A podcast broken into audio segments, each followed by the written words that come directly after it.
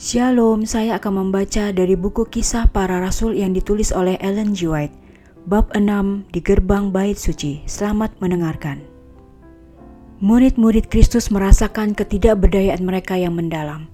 Dengan kerendahan hati dan doa, mereka menyatukan kelemahan mereka pada kekuatannya, kebodohan mereka kepada kebijaksanaannya, ketidaklayakan mereka kepada kebenarannya, kemiskinan mereka kepada kekayaannya yang tidak habis-habisnya dikuatkan dan diperlengkapi sedemikian rupa, mereka tidak ragu maju dalam pelayanan Tuhan. Sesaat setelah kecurahan Roh Kudus dan segera sesudah doa yang tekun, Petrus dan Yohanes yang akan pergi ke bait suci untuk berbakti, melihat seorang lumpuh di gerbang indah berusia 40 tahun. Sejak lahir, hidupnya telah mengalami sakit dan lemah. Orang yang malang ini telah lama merindukan untuk melihat Yesus, supaya ia dapat disembuhkan, tetapi ia hampir tak berdaya dan jauh dari tempat pekerjaan tabib besar itu. Permohonannya menyebabkan beberapa sahabat akhirnya membawa dia ke gerbang bait suci. Tetapi setelah tiba di sana, didapati bahwa orang yang kepada siapa pengharapannya telah dipusatkan telah dibunuh dengan kejam. Kekecewaannya membangkitkan simpati mereka yang mengetahui berapa lama ia telah mengharapkan untuk disembuhkan oleh Yesus. Dan setiap hari mereka membawa dia ke dalam bait suci dengan maksud supaya orang yang lewat dapat dibujuk oleh belas kasihan untuk memberi dia sedikit pemberian guna meringankan kekurangannya. Ketika Petrus dan Yohanes lewat, ia meminta suatu sedekah dari mereka. Murid-murid memandang dia dengan belas kasihan, dan Petrus berkata, lihatlah kepada kami. Lalu orang itu menatap mereka dengan harapan akan dapat sesuatu dari mereka. Tetapi Petrus berkata, emas dan perak tidak ada padaku. Sementara Petrus menyatakan kemiskinannya, maka orang yang lumpuh itu berubah, tetapi mukanya bersinar kembali dengan pengharapan, sementara rasul itu melanjutkan, Tetapi apa yang kupunyai, kuberikan kepadamu, demi nama Yesus Kristus orang Nazaret itu, berjalanlah. Lalu ia memegang tangan kanan orang itu dan membantu dia berdiri. Seketika itu juga kuatlah kaki dan mata kaki orang itu. Ia melonjak berdiri lalu berjalan kian kemari, mengikuti mereka ke dalam bait Allah, berjalan dan melompat-lompat serta memuji Allah. Seluruh rakyat itu melihat dia berjalan sambil memuji Allah yang mereka kenal, dia sebagai orang yang biasanya duduk meminta sedekah di gerbang indah bait Allah sehingga mereka takjub dan tercengang tentang apa yang telah terjadi padanya.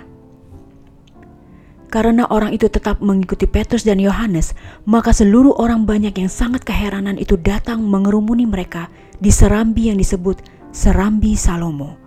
Mereka pun keheran-heranan karena murid-murid dapat mengadakan mujizat-mujizat yang sama dengan yang diadakan oleh Yesus. Di sinilah orang ini selama 40 tahun tak berdaya sebab lumpuh sekarang bergembira karena sepenuhnya dapat menggunakan anggota tubuhnya, bebas dari penyakit, dan berbahagia sebab percaya kepada Yesus. Ketika murid-murid yang melihat orang banyak keheranan, Petrus bertanya, "Hai orang Israel, mengapa kamu heran tentang kejadian itu, dan mengapa kamu menatap kami seolah-olah kami membuat orang ini berjalan karena kuasa atau kesalehan kami sendiri?" ia meyakinkan mereka bahwa penyembuhan itu telah diadakan dalam nama dan jasa Yesus, orang Nazaret, yang telah dibangkitkan Allah dari antara orang mati. Dan karena kepercayaan dalam nama Yesus, rasul itu menjelaskan, maka nama itulah yang telah menguatkan orang yang kamu lihat dan kamu kenal ini. Dan iman itu telah memberikan kesembuhan kepada orang ini di depan kamu semua. Rasul-rasul itu berbicara dengan jelas mengenai dosa yang besar dari orang-orang Yahudi dalam menolak dan membunuh putra kehidupan. Tetapi mereka berhati-hati tidak mengecewakan hati pendengar itu. Tetapi kamu telah menolak yang kudus dan benar, kata Petrus, serta menghendaki seorang pembunuh sebagai hadiahmu. Demikianlah ia, pemimpin kepada hidup, telah kamu bunuh tetapi Allah telah membangkitkan dia dari antara orang mati, dan tentang hal itu kami adalah saksi. Hai saudara-saudara, aku tahu bahwa kamu telah berbuat demikian karena ketidaktahuan, sama seperti semua pemimpin kamu. Tetapi dengan jalan demikian Allah telah menggenapi apa yang telah difirmankannya dulu dengan perantaraan nabi-nabinya, yaitu bahwa Mesias yang diutusnya harus menderita. Ia menyatakan bahwa Roh Kudus sedang memanggil mereka untuk menyesal dan bertobat, dan meyakinkan mereka bahwa tidak ada pengharapan keselamatan kecuali oleh rahmat seorang yang telah mereka salibkan. Hanya melalui iman dalam Dia, dosa-dosa mereka dapat diampuni. Karena itu, sadarlah dan bertobatlah, ia berseru, supaya dosamu dihapuskan, agar Tuhan mendatangkan waktu kelegaan dan mengutus Yesus, yang dari semula diuntukkan bagimu sebagai Kristus. Kamulah yang mewarisi nubuat-nubuat itu dan mendapat bagian dalam perjanjian yang telah diadakan Allah dengan nenek moyang kita, ketika ia berfirman kepada Abraham, Oleh keturunanmu semua bangsa di muka bumi akan diberkati, dan bagi kamulah pertama-tama Allah membangkitkan hambanya dan mengutusnya kepada kamu, supaya ia memberkati kamu dengan memimpin kamu masing-masing kembali dari segala kejahatanmu. Dengan demikian, murid-murid mengkhotbahkan kebangkitan Kristus. Banyak dari mereka yang menunggu untuk mendengarkan kesaksian ini, dan bila mereka mendengarnya, mereka percaya. Itu membawa kepada pikiran mereka perkataan yang telah diucapkan oleh Kristus, dan mereka berdiri pada barisan orang-orang yang menerima Injil. Benih yang sudah ditaburkan oleh Juru Selamat bertumbuh dan mengeluarkan buah.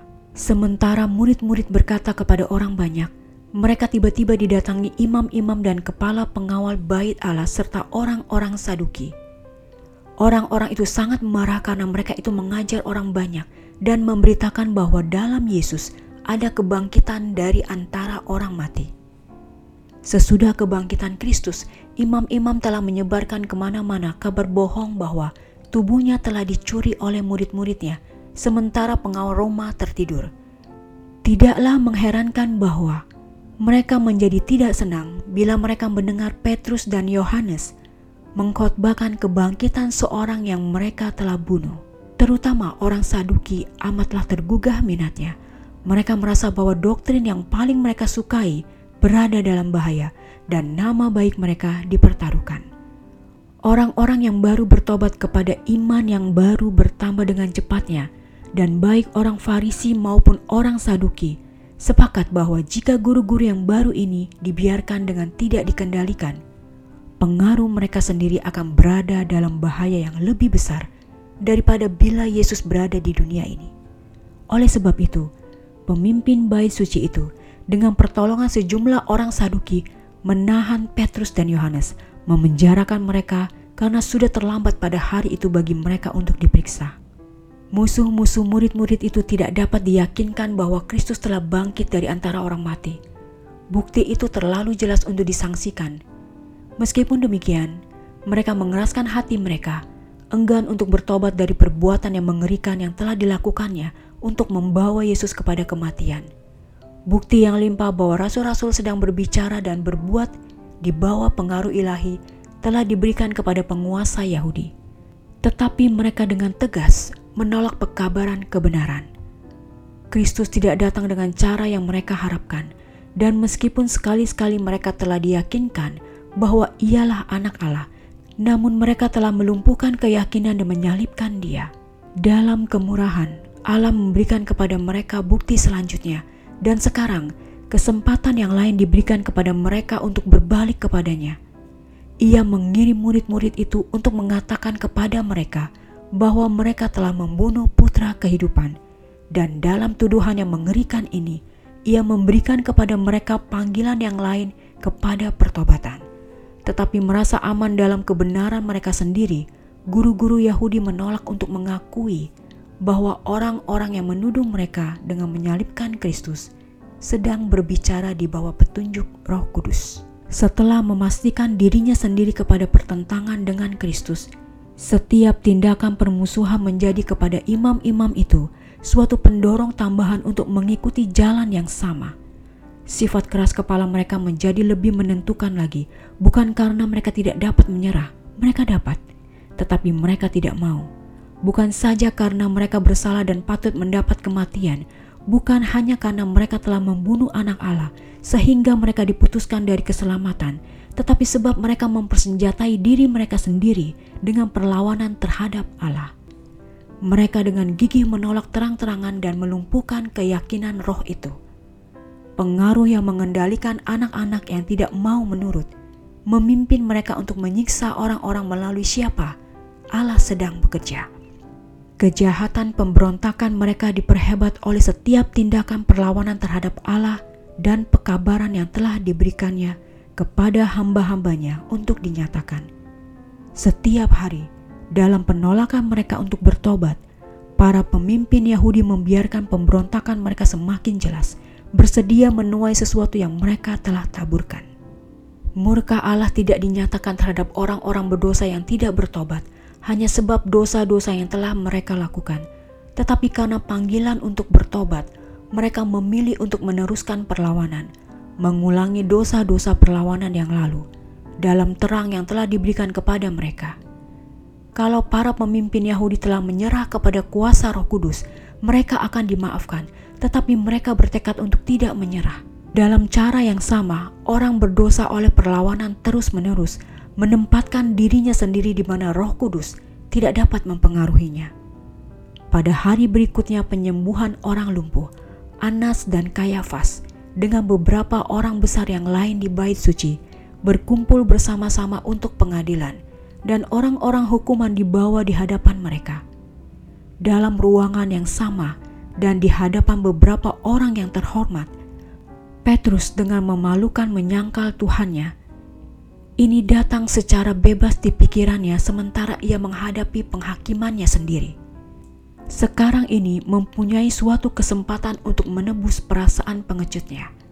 Mereka yang hadir yang mengingat peran yang telah dijalankan oleh Petrus pada waktu pengadilan Tuhannya, memuji diri mereka sendiri bahwa ia sekarang dapat ditakut-takuti oleh ancaman penjara dan kematian. Tetapi Petrus yang menyangkal Kristus pada saat kebutuhan yang terbesar adalah menurut dorongan hati dan percaya diri sendiri. Sungguh jauh berbeda dari Petrus yang dibawa di hadapan Sanhedrin untuk diadili. Sejak kejatuhannya ia telah bertobat. Ia tidak lagi sombong dan membanggakan diri, tetapi rendah hati dan tidak percaya pada diri sendiri ia dipenuhi dengan Roh Kudus, dan dengan pertolongan kuasa ini ia menentukan untuk menghilangkan noda kemurtatannya oleh menghormati nama yang suatu saat pernah disangkalnya. Sampai saat ini, imam-imam telah melarang untuk menyebutkan penyalipan atau kebangkitan Yesus. Tetapi sekarang sebagai kegenapan maksud mereka, mereka terpaksa menanyakan orang yang tertuduh itu bagaimana kesembuhan orang yang tidak bertenaga itu telah dilaksanakan. Dengan kuasa manakah atau dalam nama siapakah kamu bertindak demikian itu?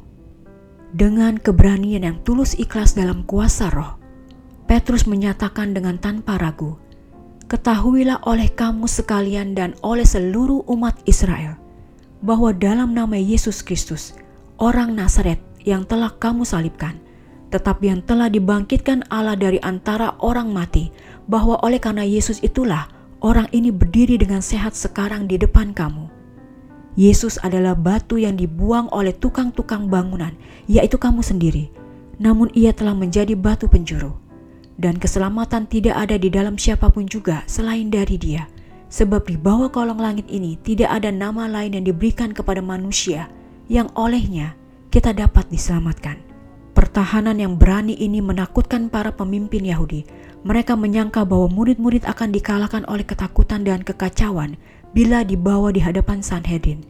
Tetapi sebaliknya, saksi-saksi ini berbicara seperti Kristus telah berbicara, dengan kuasa yang meyakinkan telah mendiamkan musuh-musuh mereka. Tidak ada tanda ketakutan dalam suara Petrus, sementara ia menyatakan tentang Kristus. Yesus adalah batu yang dibuang oleh tukang-tukang bangunan, yaitu kamu sendiri, namun ia telah menjadi batu penjuru. Dalam hal ini, Petrus menggunakan gaya bahasa yang dipahami oleh imam-imam. Nabi-nabi telah mengatakan tentang batu yang ditolak.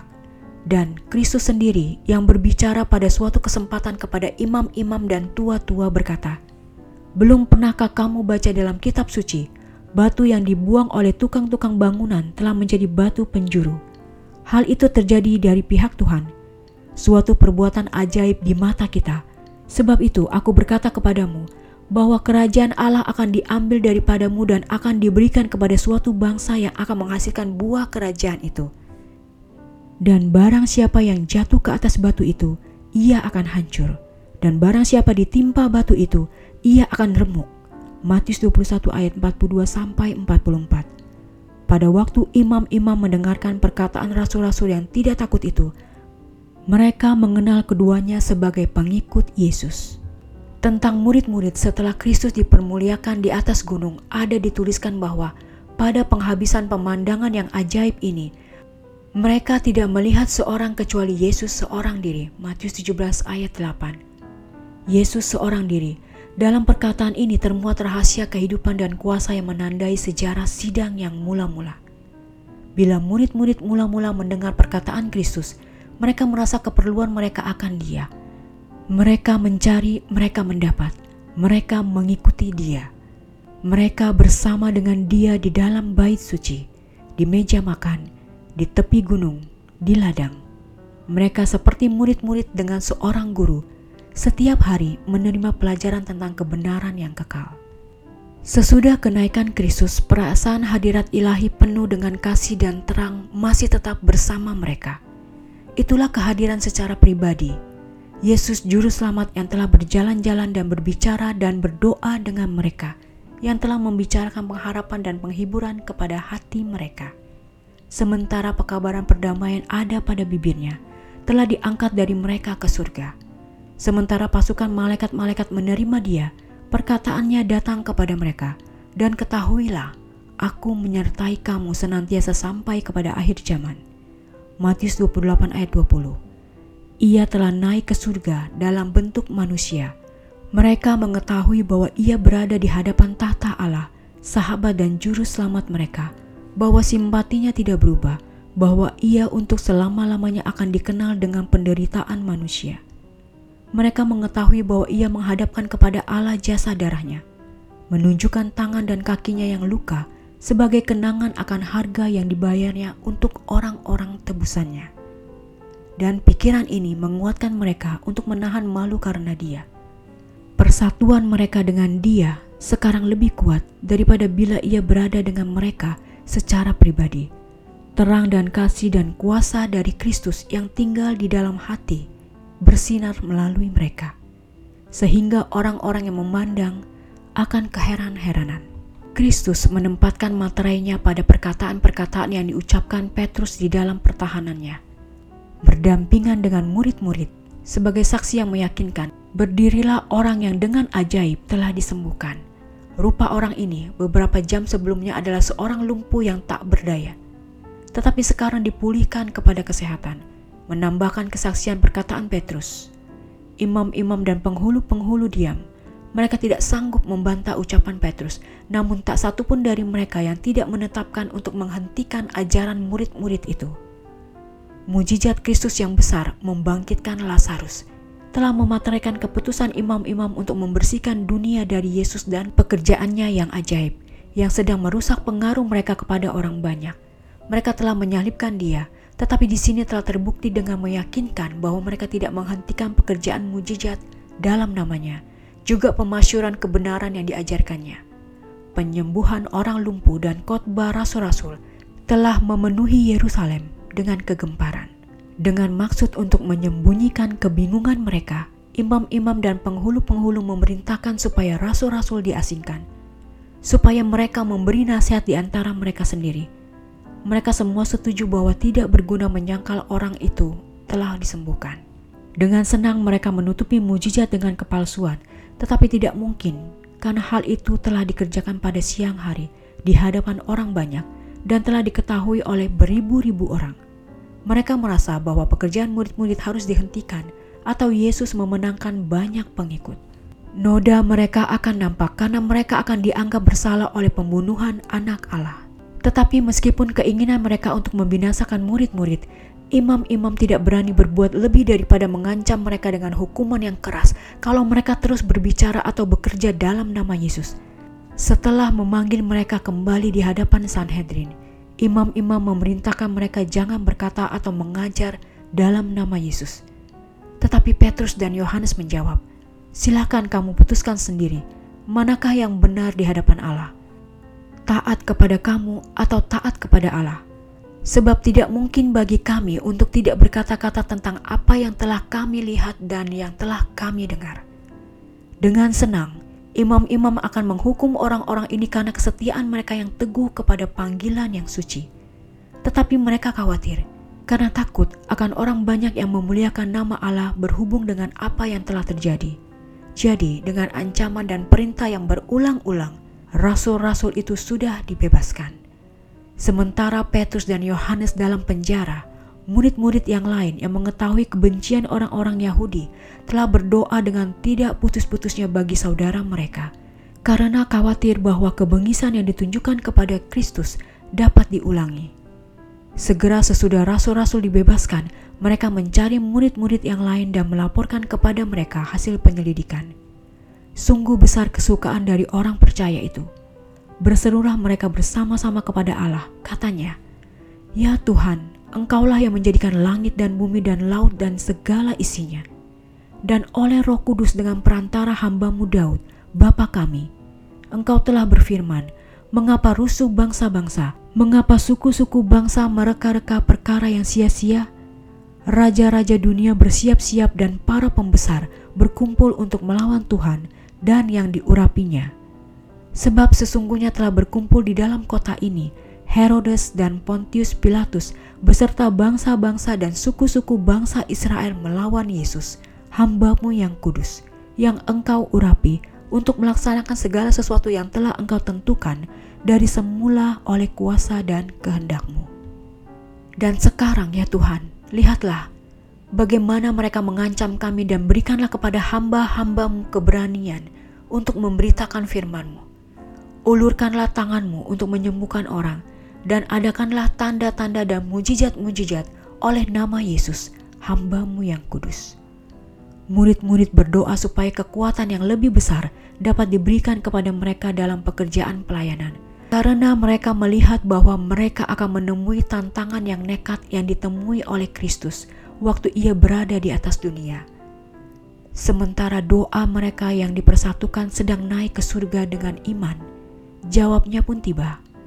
Tempat itu di mana mereka berkumpul telah bergoncang, dan mereka dikaruniai lagi dengan Roh Kudus. Hati mereka diisi dengan keberanian. Mereka keluar lagi untuk memasyurkan sabda Allah di Yerusalem.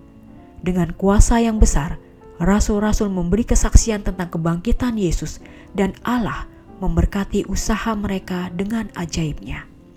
Prinsip yang untuk mana murid-murid berdiri tanpa gentar apabila jawaban atas perintah untuk tidak lagi berkata-kata dalam nama Yesus, mereka menyatakan, Silahkan kamu putuskan sendiri manakah yang benar di hadapan Allah, taat kepada kamu atau taat kepada Allah. Adalah sama dengan mana yang penganut-penganut Injil bergumul untuk mempertahankan pada hari reformasi. Bila dalam tahun 1529, putra Jerman berkumpul di Diet of Spires dikemukakan titah raja yang melarang kebebasan beragama dan melarang penyebaran selanjutnya dari doktrin yang dibarui. Rupanya pengharapan dunia hampir dihancurkan. Apakah putra itu akan menerima titah? Apakah terang Injil itu ditutupi oleh orang banyak yang masih dalam kegelapan? Persoalan yang besar untuk dunia sedang dipertaruhkan. Mereka yang telah menerima iman yang dibarui berkumpul bersama-sama, dan keputusan mereka yang diambil dengan suara bulat adalah Biarlah kita menolak perintah ini mengenai angan-angan hati orang banyak tidak mempunyai kuasa. Prinsip ini pada zaman kita harus dipertahankan dengan teguh. Panji kebenaran dan kebebasan beragama yang dijunjung tinggi oleh pendiri-pendiri Injil Sidang dan oleh saksi-saksi Allah selama berabad-abad yang lalu sejak waktu itu. Dalam pergumulan yang terakhir ini telah diserahkan ke tangan kita. Tanggung jawab untuk pemberian yang besar ini terletak pada mereka yang telah diberkati oleh Allah dengan pengetahuan akan sabdanya. Kita harus menerima perkataan ini sebagai kuasa yang tertinggi. kita harus mengakui pemerintahan manusia sebagai suatu peraturan yang ditentukan ilahi dan mengajarkan penurutan kepadanya sebagai suatu kewajiban yang suci dalam lingkungannya yang sah. Tetapi bila tuntutannya berlawanan dengan tuntutan Allah, kita harus menurut Allah lebih daripada manusia. Perkataan Allah harus diakui melebihi segala undang-undang manusia. Demikianlah firman Tuhan. Tidak boleh dikesampingkan oleh Demikianlah kata gereja, atau demikianlah kata negara. Mahkota Kristus harus diangkat melebihi mahkota raja dunia. Kita tidak dituntut untuk menentang kekuasaan. Perkataan kita, apakah dikatakan atau ditulis, harus dipertimbangkan dengan teliti, supaya jangan kita menempatkan diri sendiri pada catatan sebagai mengucapkan sesuatu yang akan membuat kita bertentangan dengan undang-undang atau peraturan. Janganlah kita mengatakan atau melakukan sesuatu yang akan menutup jalan kita. Kita harus maju dalam nama Kristus, menganjurkan kebenaran yang dipercayakan kepada kita. Kalau kita dilarang oleh manusia untuk melakukan pekerjaan ini, maka kita boleh berkata seperti rasul-rasul, "Silakan kamu putuskan sendiri, manakah yang benar di hadapan Allah, taat kepada kamu atau taat kepada Allah." Sebab tidak mungkin bagi kami untuk tidak berkata-kata tentang apa yang telah kami lihat dan yang telah kami dengar. Demikianlah bacaan buku Kisah Para Rasul bab 6 di gerbang Bait Suci. Tuhan memberkati.